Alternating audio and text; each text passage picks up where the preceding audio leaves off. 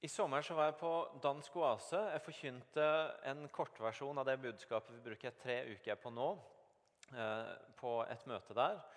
Eh, og etter møtet så kom det ei ung dame fram til meg som bodde på et lite sted i Danmark. Eh, og fortalte at mens jeg hadde sittet og snakka om dette med å være til stede, omfavne hverdagen, og når jeg på slutten av talen min hadde begynt å snakke om å Eh, og, invitere til forbønn. Snakke om eh, at de som ikke kjente noe, noe, hjerte for den hverdagen de var satt i, at vi kunne be Gud om at han måtte gjøre noe med hjertene, at han måtte knuse hjertet vårt på nytt for den hverdagen og for de menneskene vi var rundt. Og Så fortalte hun at eh, hun hadde sittet og tenkt hvem, hvem, i all verden vil bo på den plassen vi bor på? Hvem i all verden har lyst til å, lyst til å leve der? Og fortalte om hvordan de ved flere anledninger, fordi de hadde hatt en drøm om en måte å leve på som familie sammen med andre familier, ved flere anledninger hadde prøvd å invitere noen til å komme og flytte til dem, venner de hadde som bodde andre steder, og, og prøve å oppmuntre dem til at kan ikke dere komme og bo der vi bor, og så kan vi, kan vi bygge fellesskap sammen. Uh, men ingen av dem hadde respondert på det. Eh, og Derfor så var bare denne følelsen blitt sterkere og sterkere av at hvem i all verden vil bo der jeg bor?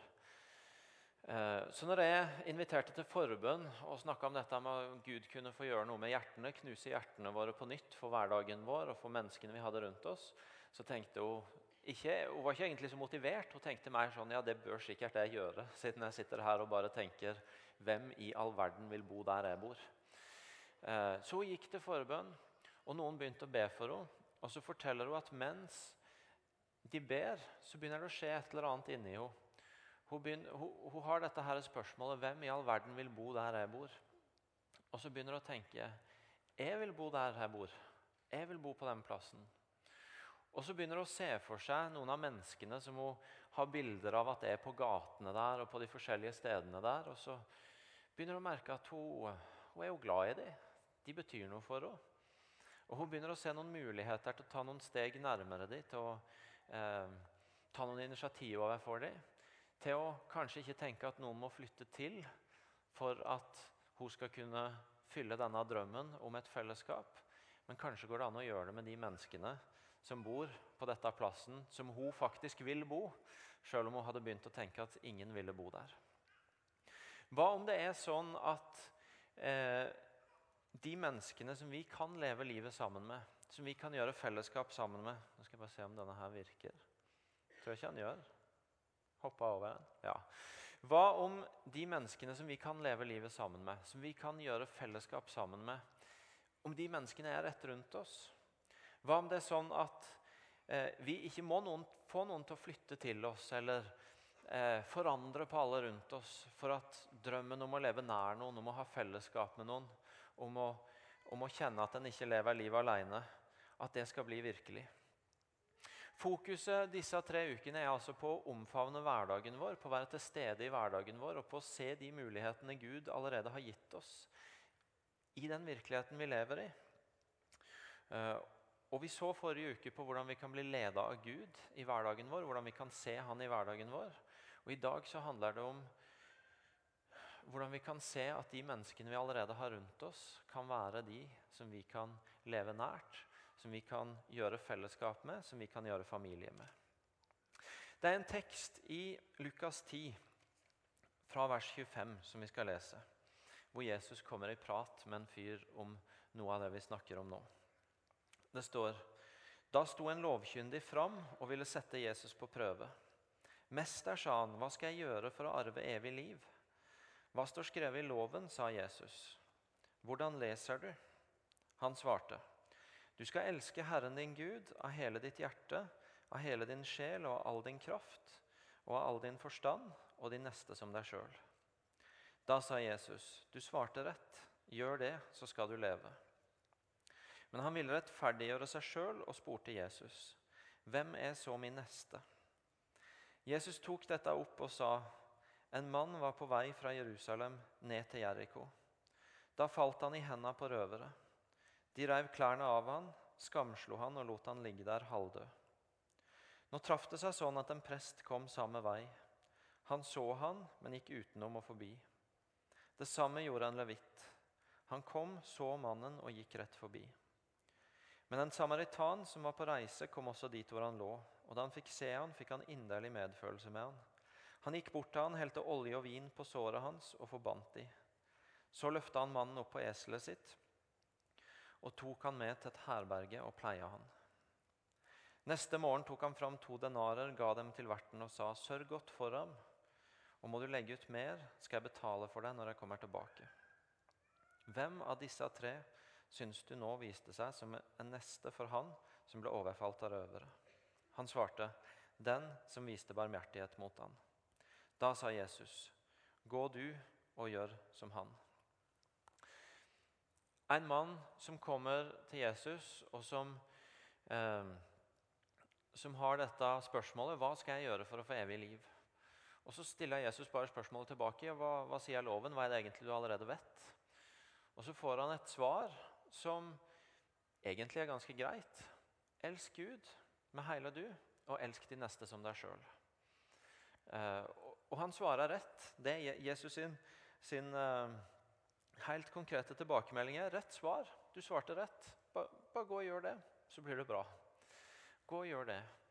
Uh, et enkelt svar, egentlig. Elsk Gud, elsk de neste. Og så legg merke til hva som står i det neste verset. Der står det Men han ville rettferdiggjøre seg sjøl og spurte Jesus, hvem er så min neste? Det er ikke egentlig kanskje primært det at han lurte på hvem i all verden kan min neste være. Men det står at han var ute etter å rettferdiggjøre seg sjøl. Han var ute etter å komplisere, eh, kanskje eh, gjøre svaret litt mer ullent, og dermed litt mer lett å forholde seg til. Eh, det, det, er sagt, og jeg har sagt det her også noen ganger før, at essensen i det å følge Jesus, er, han, eller det kallet Jesus gir oss, er at det er lett å forstå, utfordrende å leve. Mens en av våre utfordringer er at vi har en tendens til å gjøre det komplekst og komplisert å forstå, sånn at det blir lett for oss å leve. Fordi det blir så mange alternativer. Og Det er egentlig det som skjer her òg. Jesus gir et enkelt svar og en enkel tilbakemelding. Ja, det handler om de to tinga. Elsk Gud og elsk de neste. Gå og gjør det, så er det, så er det bra. Men så står det altså at han ville rettferdiggjøre seg sjøl. Han ville skaffe seg et litt lettere utgangspunkt. Og Derfor så begynner han å problematisere. ja, men hva er nå egentlig? Hvem er nå egentlig min neste? Hvem er det nå egentlig jeg skal gjøre dette her med? Og Så forteller denne, Jesus denne lignelsen om den barmhjertige samaritan, som vi ikke skal gå fullt inn i alle sidene ved i dag, men som et av svarene som blir veldig tydelig der, det er at din neste er han du ser når du går forbi. Det er han, han, du, han som dukker opp i hverdagen din, han som dukker opp på veien din, han som dukker opp der du går. Ikke gjør de neste så veldig komplisert, men stopp opp for han du ser. Og så drar Jesus han tilbake igjen fra du prøver å gjøre det komplisert å forstå, men lett å leve. Men det er lett å forstå, det er bare at det er utfordrende å stoppe opp. Jeg leste, I denne uka så hørte jeg en historie fra en amerikansk by, Denver i USA. Hvor en del av kirkelederne hadde gått til eh, borgermesteren i byen og så hadde de spurt hva er det beste vi kan gjøre for byen vår. Hva er det beste du kan tenke deg at vi kan gjøre som kirker for å bety en forskjell i denne byen, og for å hjelpe du i jobben med å gjøre dette til en god by å være i? Og Så svarte denne borgermesteren noe som jeg tror var uventa for dem. Han sa vet du noe, hvis dere kunne få alle folka deres til å være gode naboer, som lagde gode nabolag, så ville det antagelig være det beste dere kunne gjøre for byen vår. For det er så mange ting så mange problemer i denne byen som vi kan lage masse forskjellige offentlige tiltak på. Eh, og prøve å, å, bøte på skadene på. Som antagelig hadde vært løst hvis det bare hadde vært gode nabolag hvor folk brøy seg om hverandre. Så Hvis dere kan gå tilbake til folka i kirkene deres og få dem til å være gode naboer, så hjelper dere denne byen veldig. Og Så gikk disse rundt 20 kirkelederne tilbake og begynte prosessen i menighetene sine. Og noe av det De gjorde det var at de, de, de, gjorde en sånn undersøkelse bare for å komme i gang. Så tok de en test på folka hvor de, hvor de hadde tre spørsmål. De fikk folk i menigheten til å se for seg nabolaget sitt. Og så var det liksom tre ting de lurte på. Det første var kan du navnet på de husene rundt deg, folka som bor der. Det andre var si en opplysning, en ting, som, eh, som du vet om dem, som du ikke kan ha funnet ut bare av å stå og kikke over gardina, men som du faktisk må ha snakka med dem for å ha funnet ut. Eh, en eller annen opplysning som du, som du faktisk må ha hatt kontakt med dem for å finne ut. Og til slutt, si en ting som du vet om, som forteller at du har faktisk hatt en samtale på dypet med dem. At du vet noe om dem som eh, som, ikke bare, som, som, ikke bare går på det overfladiske, på faktaopplysninger, på en kort samtale i veien, men som viser at dere har kommet litt nær hverandre. Og de, Det som gikk igjen i alle menighetene, var at når de gikk igjennom disse svarene, så viste det seg at det, det sto ca. sånn til at omtrent 10% kunne navn på naboer rundt seg. Under 3 kunne gi en sånn faktaopplysning som viste at de hadde snakka med noen av naboene. Og under 1% kunne fortelle noe som viste at vet du, når vi, har, vi har vært litt dypere enn bare overflata sammen. Og så er Denver Denver og Stavanger Stavanger, USA er USA og Norge er Norge. Og Allikevel så syns jeg det er en spennende eh, historikk, ja, statistikk å bare la seg utfordre litt av. Jeg syns det er spennende å la det utfordre eh, mitt, eh, mitt, forhold til mitt nabolag. Og kanskje kan det òg være spennende for oss, siden vi i dag snakker også om fellesskapet i kirka, i Guds familie, og bare for moro skyld teste seg sjøl på de menneskene som sitter på samme rad som deg i dag, eller like rundt deg i dag. Hvor mange kan du navnet på? Hvor mange vet du litt mer om enn hva de heter? Hvor mange har du vært litt på dypet med? Er det sånn at vi noen ganger er mer glad i drømmen om et fellesskap enn vi er i de menneskene vi kan gjøre fellesskap med? Er det sånn at vi noen ganger har alle disse tankene om det som kunne vært bedre i menigheten vi er en del av, eller fellesskapet vi er en del av? Alt som kunne vært varmere, eller i cellegruppa, eller det misjonale fellesskapet, eller vennegjengen. Alle, alle tingene vi skulle ønske var annerledes. Men at vi, er, vi, vi har sterkere engasjement på det enn på å bare begynne å gjøre det med de menneskene som er rett rundt oss, og som vi kan begynne å gå tettere på, begynne å vise kjærlighet til, begynne å komme mer innpå. Er det sånn at noen ganger så er vi mer glad i idealet enn i menneskene vi kan gjøre idealet med? Et spørsmål som kan utfordre oss. I Apostlenes gjerninger 4 så står det litt om den første kristne kirke. Eh, og Vi skal bare lese noen vers fra vers 32. Eh, der står det at alle de troende var ett i hjerte og sinn, og ingen regna det de eide, som sitt eget. De hadde alt felles. Med stor kraft bar apostlene fram vitnesbyrdet om at Herren Jesus var stått opp, og stor nåde var over de alle. Ingen av de ledd nød, for de som eide jord eller hus, solgte det og kom med pengene og la de for apostlenes føtter. Så fikk hver enkelt tildelt det han trengte. Josef, en levitt fra Kypros, ble av apostlene også kalt Barnabas, det betyr trøstens sønn. Han solgte en åker han eide, og kom med pengene og la de for apostlenes føtter. Et utrolig sterkt bilde for fellesskap som møter oss i denne teksten. Det står om at de hadde alt felles, at de var ett i hjerte og sinn. At de ba med samme sinn, at de delte det de hadde. At ingen mangla noe fordi de delte på ressursene. sånn at når noen blant de hadde ei utfordring, så angikk det de andre.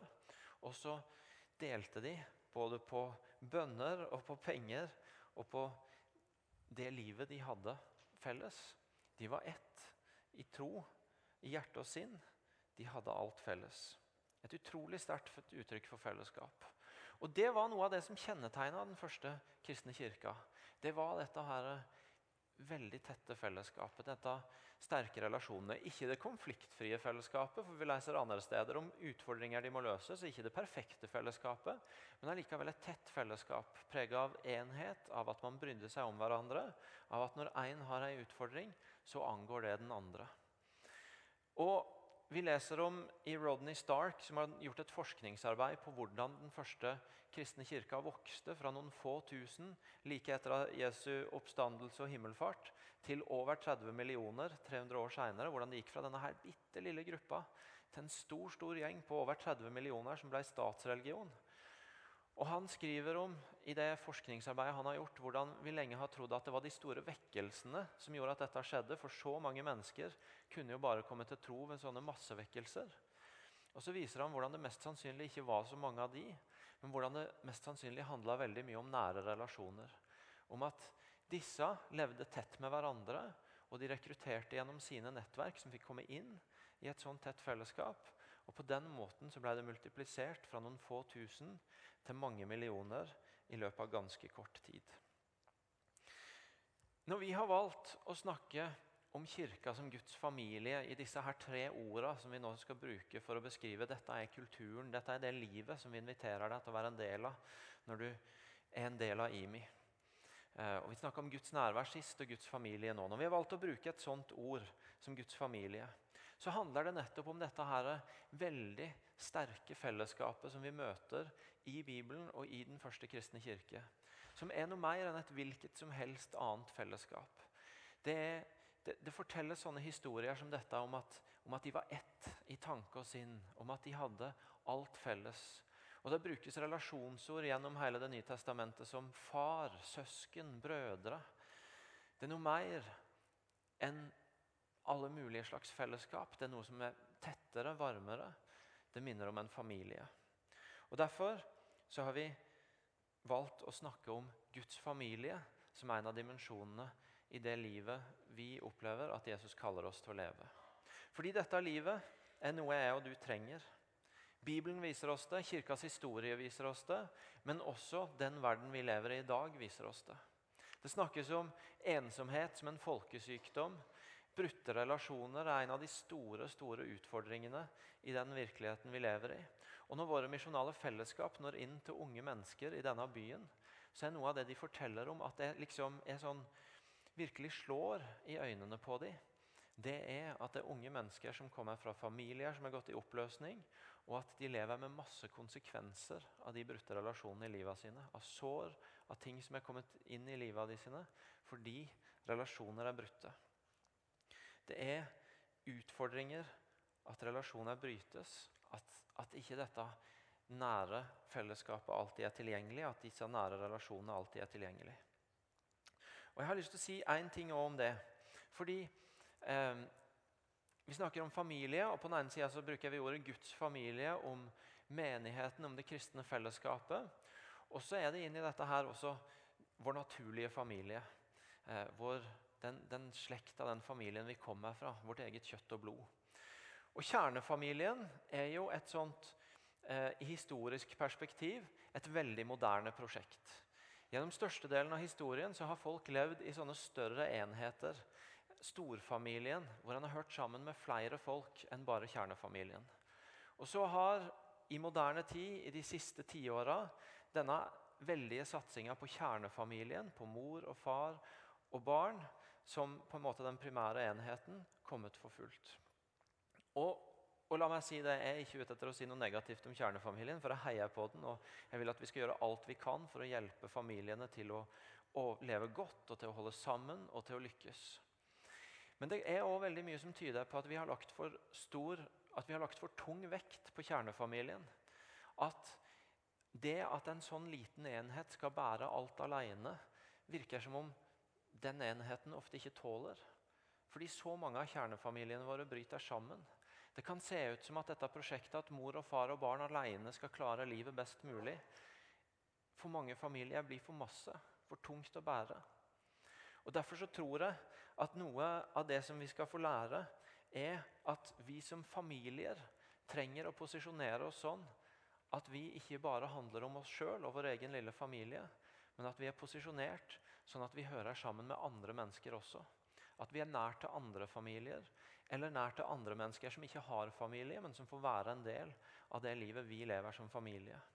At vi posisjonerer oss sånn at det handler om litt større enheter enn bare oss og vår egen lille kjernefamilie. Og at det er flere som bærer vekta sammen med oss av det livet bringer, av de utfordringene livet bringer. Sånn at det ikke bare er denne lille enheten som alltid skal bære det. Og Det er mitt personlige vitnesbyrd som familiemann og far.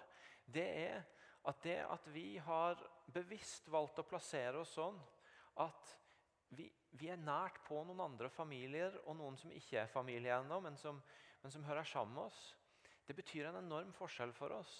Det at vi har veldig bevisst gått etter det, ikke bare tilfeldig, men vi har omfavna noen muligheter i noen mennesker som er rundt oss, som gjør at vi, vi vet at det er noen som vi jevnlig ikke bare møtes for å spise med, men som vi vet at når vi får ei utfordring i livet, så har vi erfart over tid nå at, at da er de der. Og som vi har programmert våre hoder på at når de får ei utfordring, så, så, prøver vi å tenke hva kan vi gjøre med det? Og så er erfaringa blitt at vet du noe, det gjør det veldig mye lettere å leve. Og det gjør det veldig mye lettere å ha det godt som familie. Og Det er til og med min bekjennelse at det gjør meg til en bedre far. Det er ikke bare alle bøkene jeg leser om barneoppdragelse, eller seminarene jeg hører om det. Men det at jeg faktisk får ha noen andre mennesker nært på familien min, hjelper meg til å gjøre en bedre jobb som far. Og jeg tror at vi trenger det. Vi trenger å posisjonere oss i nærheten av andre familier. Eh, og hvis den ikke har noen familie, å posisjonere seg i nærheten av noen familier. Eh, sånn at vi kan være flere om å mestre dette livet om å ha noe av den erfaringa som vi hørte om i Apostlenes gjerninger 4. Av at når han har ei utfordring, så angår det meg også. Fordi vi hører sammen. Og det er ikke bare de som skal klare seg sjøl.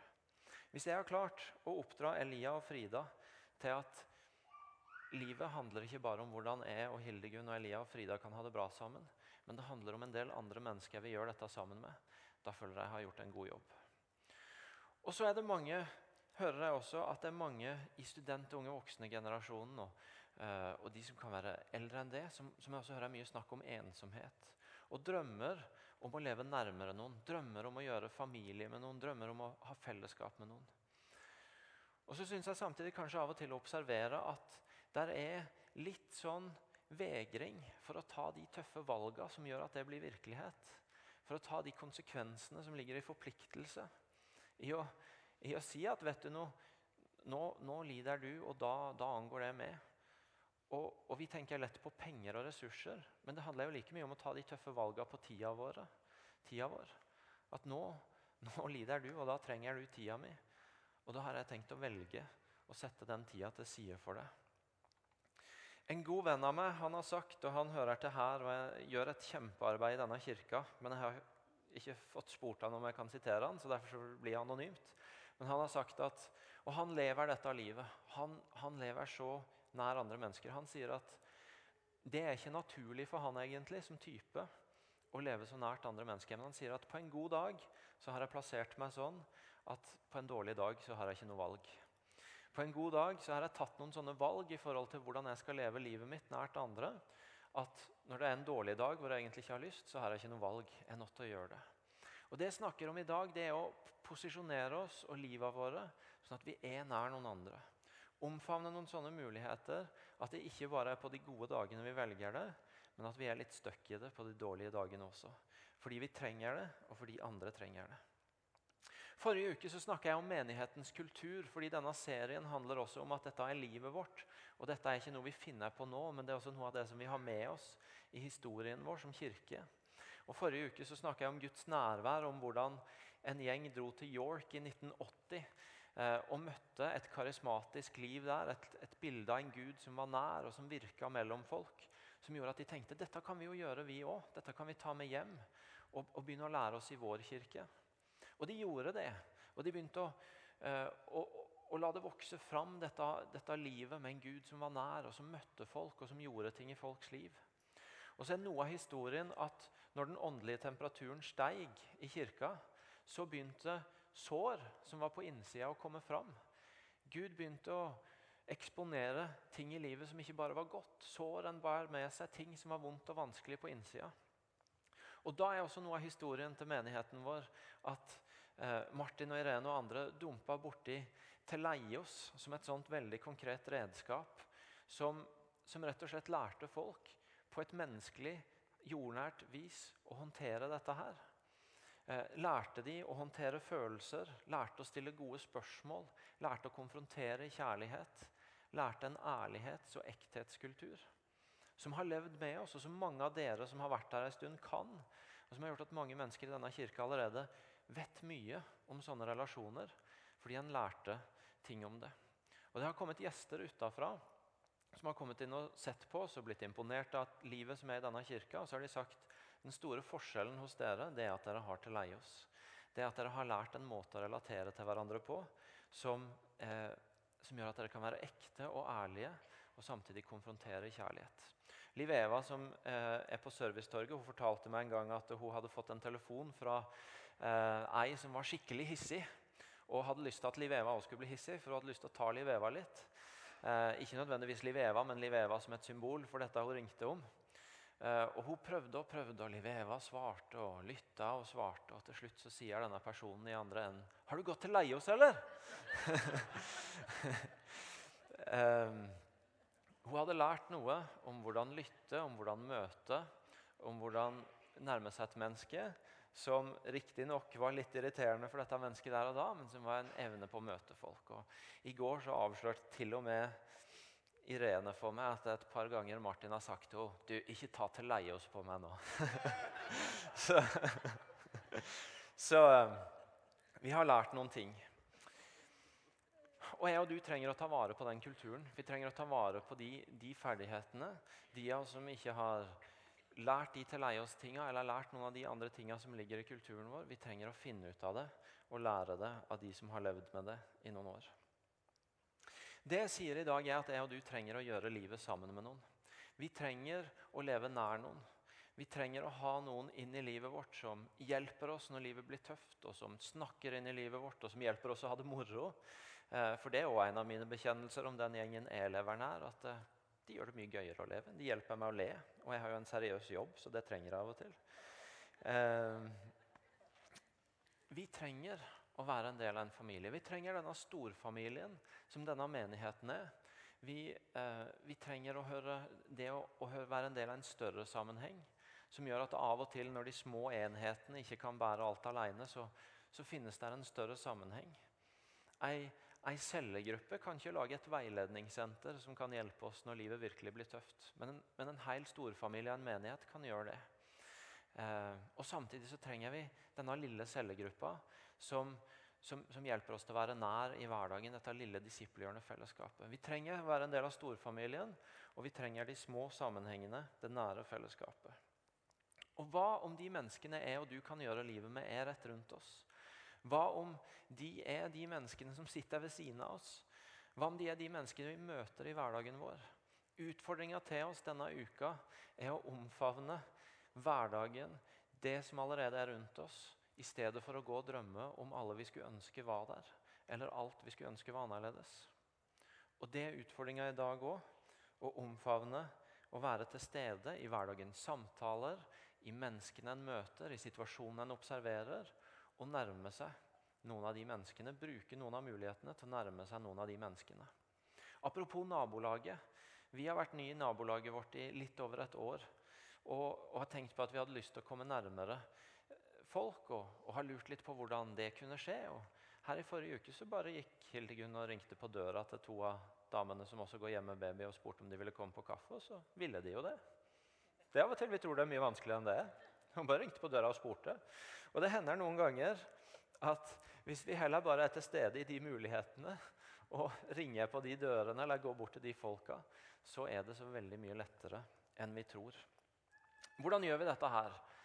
hva, hva, hvordan begynner vi å tråkke inn i det? Jo, det finnes mange muligheter. Og som jeg sier, veldig mye handler om å være til stede.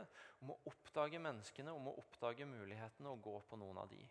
Noen tips kan være hvilke spørsmål vi stiller. Dere så en video i starten eh, som hadde ett skrekkeksempel og ett godt eksempel.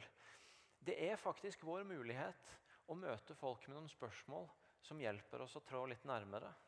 Og ikke møte folk bare med 'jo da, så'-spørsmålene. Eh, Men å spørre 'åssen går det', 'åssen har du det med det'? Jeg husker sist gang at du nevnte det. Har det skjedd noe der? Det er faktisk ganske mange muligheter for å omfavne og komme nærmere folka rundt oss bare i spørsmåla vi stiller til hverandre. Det andre er, angår andres behov oss. Er det sånn som vi leste om i Apostlenes gjerninger 4, at når vi ser noen trenger noe, så, så responderer vi på det? så snur vi oss litt rundt, enten det handler om tid eller tjenester eller penger, og nærmer oss ved å bare møte dem på at vet du noe, nå trenger de noe. Snakker vi folk opp eller ned? Det er utrolig hvor mye nærmere du kan komme folk hvis du snakker dem opp istedenfor ned. Hvis du minner dem på det som du syns er godt med dem, istedenfor å tilkjennegi alt det du ikke setter så pris på ved dem. Eller å være taus fordi du i hvert fall ikke skal snakke dem opp. Eh, snakk folk opp. Kommenter ting du liker ved dem. Kommenter, kommenter det fine de har på seg, det fine navnet de har. Det de gjorde så bra der, det du ser i de som er godt. Snakk folk opp, og du vil se at du kommer nærmere de. Ber du for folk? Utrolig hva som kan skje i hjertene våre når vi ber for folk. Eh, og det har vært min erfaring igjen og igjen at, at, at, noe skjer i hjertet mitt, i posisjonen hjertet mitt tar over for et menneske, når jeg ber for det. Og, og det merkelige er at Gud lever jo. Så noen ganger når jeg ber for folk, faktisk ganske ofte, så plutselig så dukker det opp noen muligheter som jeg ikke hadde kommet på, men som er der allikevel. Bønn gjør noe med våre hjerter, og bønn åpner muligheter. Så, så hvilke spørsmål stiller du? Angår andres behov deg? Snakker du folk opp? Ber du for folk? Og så kan dere bruke samtalene rundt kjøkkenborda og rundt cellegruppesamlingene og alle de andre tinga denne uka til å utveksle flere ideer på hvordan vi omfavner de menneskene som Gud har satt rett rundt oss. Og Spørsmålet i dag til oss alle er veldig enkelt. Hvilke mennesker har Gud plassert i din hverdag? Er du klar for å omfavne de? Er du klar for å være til stede i den relasjonen? Skal vi be sammen? Da reiser vi oss.